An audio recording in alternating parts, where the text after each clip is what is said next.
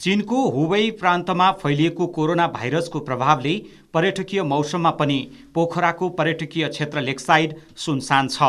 खास गरी चिनिया पर्यटकहरूले भरिभराउ हुनुपर्ने होटल रित्तै भएको होटल व्यवसायीहरूको भनाइ छ।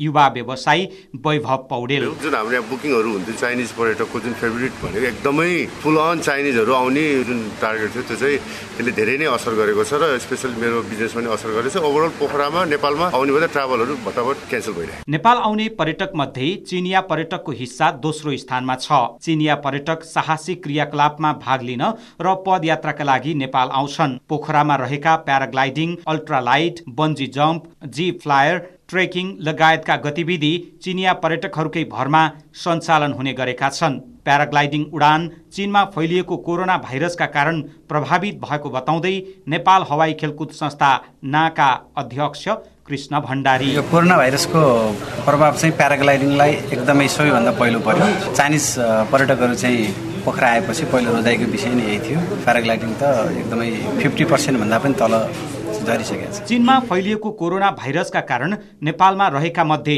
केही पर्यटकहरूले बस्ने समय थपेका छन् भने केहीले छुट्याएर आफ्नै देश फर्किसकेका छन्।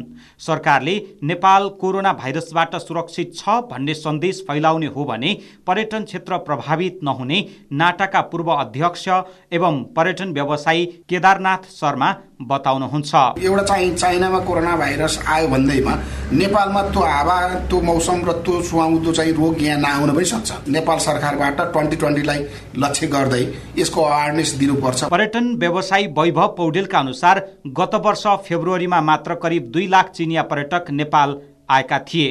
तीमध्ये करिब सत्तरी प्रतिशत पोखरा आएका थिए। फेब्रुअरी महिनामा चिनिया पर्यटकले पोखराको भ्रमण तालिका बनाउने गर्छन्। तर कोरोना भाइरसकै कारण चीनले आफ्ना नागरिकहरूलाई अन्य देशमा हिँडडुल गर्न रोक लगाएपछि पोखरा लगायत मुलुकभरका पर्यटन व्यवसायी चिन्तामा छन्। Jiwan Subedi CIN three angel सामुदायिक रेडियो पोखरा।